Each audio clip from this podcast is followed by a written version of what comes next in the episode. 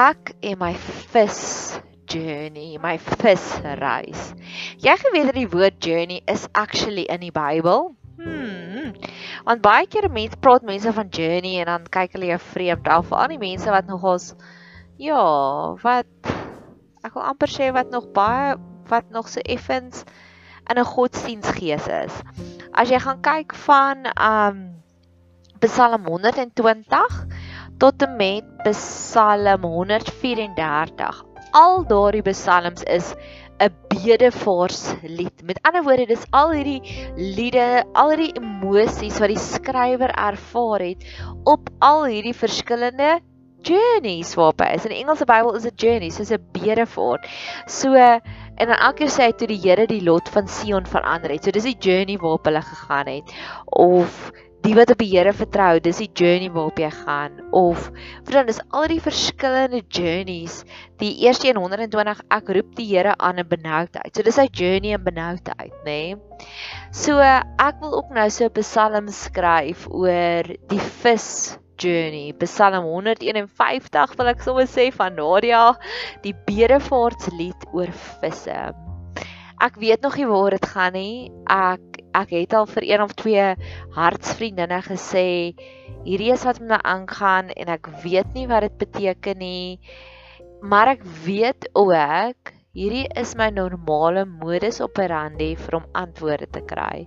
Ek sal baie kere sal ek 'n video daaroor maak of ek sal 'n pot gooi daaroor maak, 'n podcast en dan op die Here se eie tyd sal I will connect the dots. Boom boom boom.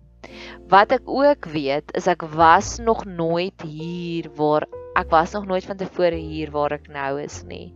Jy was ook nog nie. Ons was nog nooit in 'n grendelgreep nie. Ons was nog nooit in 'n koronavirus nie. So dit wat aangaan is soveel meer verregaande as wat ons kan besef. So die first journey het ek nou al 'n hele paar keer, seker vir die afgelope week gereeld, dan sal ek daarvan skryf en ek maak elke dag of so ek probeer sy elke dag, party dae is dit elke derde dag. So 'n reflekteringsvideo te maak, 'n reflekteringspot gooi te maak om te sê dis die dinge wat ek geleer het en dis die dinge wat en ek het dit gister het ek dit gemaak in het ek gepraat oor die first journey daarin en toe wil die wil die internet het, het hom net nie opgevang nie. So toe gaan dit alles verlore. So vir oggend te dink ek, okay, ek moet duidelik daaroor praat, maar dalk in sy eie. En dalk gaan ek oor 'n maand van nou af of, of oor 'n week van nou af of oor wat ook al gaan ek dalk andersins daaroor voel of ek gaan 'n antwoord daaroor hê. En vandag is so 'n significant dag. Dis dag 40 wat ons in lockdown is en 40 het so 'n simboliese getal, nê. Jesus was so 40 dae in die woestyn en toe die duiwel hom um probeer verlei en um die dit het so 40 dae lank gereën toe Noag in die ark was en Moses was 'n 40 dae elke dag op die bergtop op berg Sinaï en dan het hy afgekom. So hy was 'n 30 dae in God se teenwoordigheid. Ek was nou vir 40 dae lank in lockdown en môre begin ek weer te werk. Ek was onderstel om al maandag te begin werk en toe stel dit uit en nou is dit so 40 dae lank. So Dis so 'n significant, so 'n noemenswaardig, merkwaardige dag vandag. So dalk is dit juist dat ek vandag moes tot en met dag 40 gewag het om my first journey te vertel. So hier in die begin van of in die middel Februarie tot en met laat middel Februarie, so hier van die 13de af tot en met die 19de het daar sekere dinge met visse gebeur. Eerste van alles, een van my beste vriende het 'n verskriklike mooi koi dam by sy huis.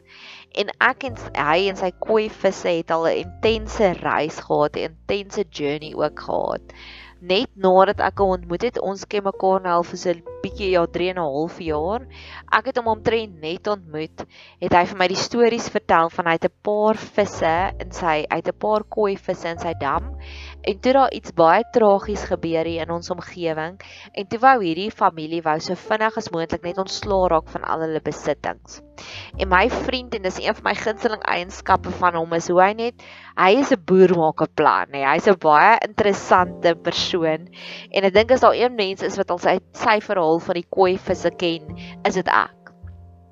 So het hy toe net vir my vertel, hy bel my toe nou die aand jaar 3 jaar terug omtrent en hy sê vir my ek want koi visse is baie duur, so hy het so ek dink seker so 10 of 15 koi visse gehad in die dam.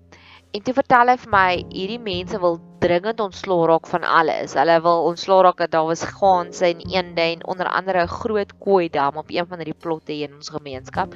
En hy sê en hy was toe nou hy's afgetree. Um so ek geniet dit altyd om te hoor waarmee hou hy homself besig en nou het ek soveel meer respek met hom want tegnies nou kry ons 'n voorsmaakie van waartoe mense dit gaan wat afgetree is want elke dag is maar net dieselfde. Jy hoef nie te gaan werk nie, dit en dat.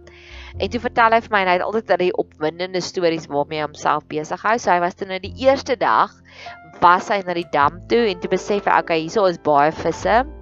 En maar hy weet nie hoe gaan hy die visse vervoer van daai dam af na sy huis toe nie.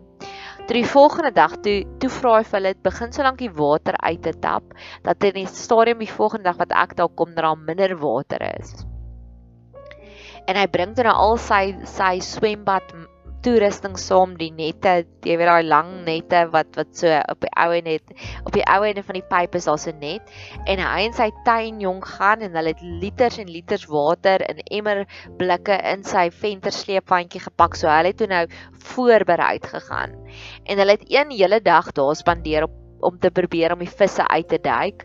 En toe is daar nog steeds visse oor. So toe vat hulle die visse terug na sy huis toe en hulle gooi dit in sy koi dam en toe trek hy die volgende dag hy scuba duik. Toe trek hy sy scuba duik klere aan.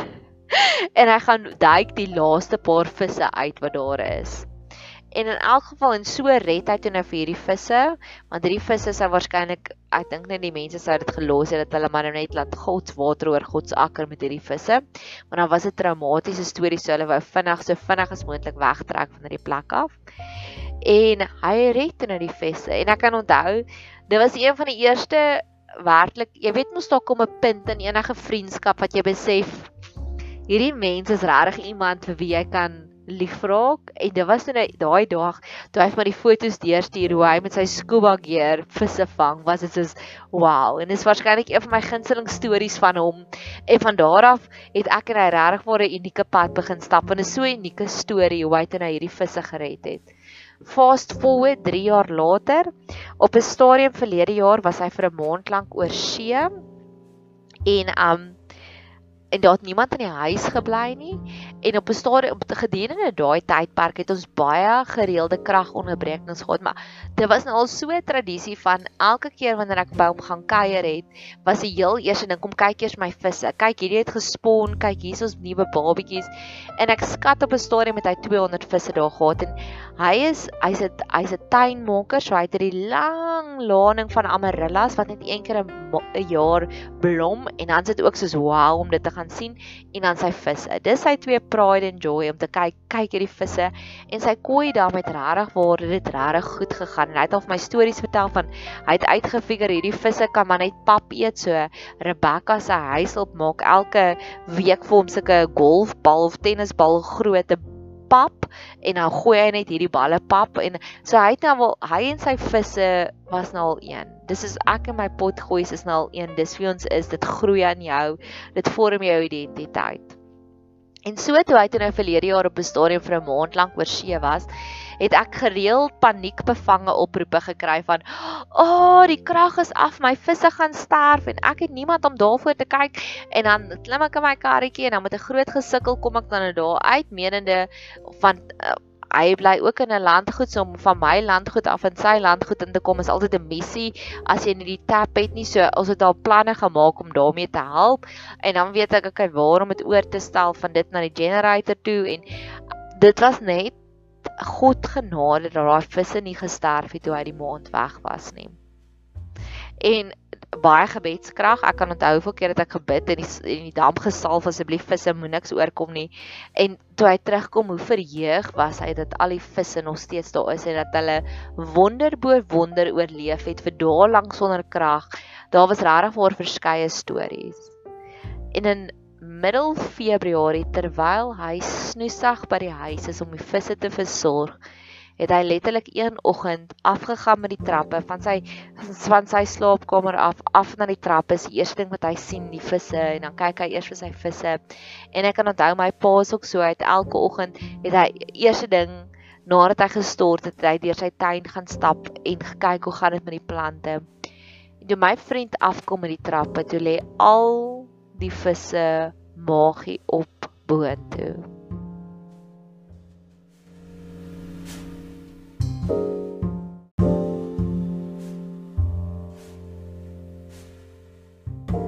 Daar was geen rede hoekom die visse moes gesterf het nie. Dit was net vreemd. Die visse was in sy sorg en ek weet hy het so mooi na die visse gekyk. Dit was wonderbo wonder dat die visse nie gesterf het toe hy verlede jaar vir 'n maand lank oor see was nie. En nou terwyl hy daar was en terwyl daar nie 'n kragonderbreking was en terwyl hy dieselfde kos gekry het, dit was letterlik soos 'n plaag en ek kan onthou hoe hartseer was hy en dit het hom regtig word diep getref. Koronel en ek gee uiting aan my emosies deur om te skryf en ek kan onthou 'n week later, dit was 'n Woensdag, is ek besig om 'n storie te skryf. Dit was 'n klaagliedere wat ek geskryf het omdat ek so hartseer was oor sy visse. En almal wat ek geken het wat het het empatie, medelee gehad oor die visse. Dit was nie net nog 'n vis nie, dit was deel van hom. En in elk geval het ek een Woensdagoggend, dit was die eerste keer van die insident af wat ek tyd gehad het om klaagliedere te skryf om te sê Here, hierdie is regtig vir my 'n ramp, 'n regte tragedie. Maar op daai eense dag sou ek later die aand het ek Bybelstudie aangebied by 'n vriendin van my se huis. En ons het al maande terug besluit hierdie Bybelstudie, ons het die programmetjie uitgewerk, gaan gaan oor Jona in die vis. En ek kan onthou die die teaser wat ek gemaak het was it is not it is more than just something fishy, nê? Nee? En op hierdie stadium en terwyl ek die voorbereidings gedoen het vir die, terwyl ek die klaagliedere geskryf het, besef ek, oh, ek skryf vir die hartseer storie oor my vriend se visse. Nou-nou gaan ek voorbereiding doen oor Jona en die vis en ek gaan daai storie voorberei en bid daaroor en 'n hele 'n hele ag 'n hele presentation uitwerk daaroor En ek het besef, wow, hierso staan ek nou op heilige grond. My vriend se visse waaroor ek hartseer is. Ek gaan die hele storie vertel oor oor visse, oor Jonah en die vis. En terwyl ek nog in hierdie oomblik vasgevang is, kom klop ons tuinjong aan my deur en hy sê vir my, jy moet kom kyk en jy ek hier hierso tuinwoord sal jy moet jy moet vir die persoon bel by wie ek hier my landlord en ek sê hoekom En hier oornag, ons het 'n groot dam hier agter ons. Nie groot nie, hy't so ja, ek weet nie hoe groot nie, maar dit is 'n relatiewe groot. Dit is nie soos 'n rode plot groot dam nie, maar dit is nie net soos 'n 'n tuisgemaakte mensdammetjie soos die my vriend se kooivisdam nie. Ons het 'n groot dam agter. Ag, ek weet ek is nie goed met skattings nie, maar hy's so groot. Die die bure se kinders het al tot en met 8 kg of 'n 10 kg karpie uitgetrek, nê? Nee en oornag het al die visse in ons dam gesterf. Geen rede daarvoor nie. En wat dit soveel interessanter maak is ons bly in 'n eko landgoed reg langs Rodeplaas dam en hier's omtrent 5 sulke damme agter sekere huise, nê, wat hulle so gebou het vir die bokkies en om net te gaan water drink. En dit was net ons dammetjie van al die damme wat se visse net vir een of ander rede misterieuse rede gesterf het. En ek kan onthou dit was ook 'n groot trauma en 'n groot hartseer. En is dit nou dit?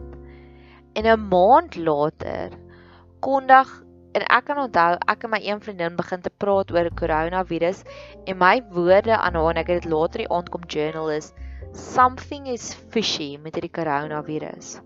En korona toe begin die toe begin hulle te sê maar die koronavirus het begin by 'n vismark in Wuhan. En ek is soos toe begin ek dit weet 'n journal. Vismark Wuhan al die dinge met visse. Ewe skielik is daar oral visse. En ek kan onthou ook daar's 'n rasse dispuut met een van my vriendinne wat sy kreatiewe sentrum gemaak het. En die rasse dispuut het gekom oor sy dit is dis baie 'n werksplek wat sy so dink gesit het van Ons is almal verskillende visse in dieselfde see. En die rasse dispuut het gegaan, maar hoekom het jy verskillende visse gegee? Dis mos nou diskriminasie. En my vriendin sê, "Nee, dis juis om te wys ons is verskillend." En ek kan onthou, daai gesprek het my so diep aangeraak. Ek het dit ook gaan skryf, rasse dispuut, verskillende visse vraagteken. So, ons het met die visse wat sterf ewe skielik twee dame wat baie na is aan my hart. Ek bied aan oor Jonah en die vis, die visse diskriminasie, rasse diskriminasie ding. En um ja, wat ek gesê het coronavirus something is fishy. Eerste het hulle gesê dat dit begin by 'n vismark in Wuhan, dis waar die virus begin het. 'n maand na al die insidente kondig president Cyril Ramaphosa aan ons is 'n national state of emergency as gevolg van die virus. Ons gaan in lockdown in.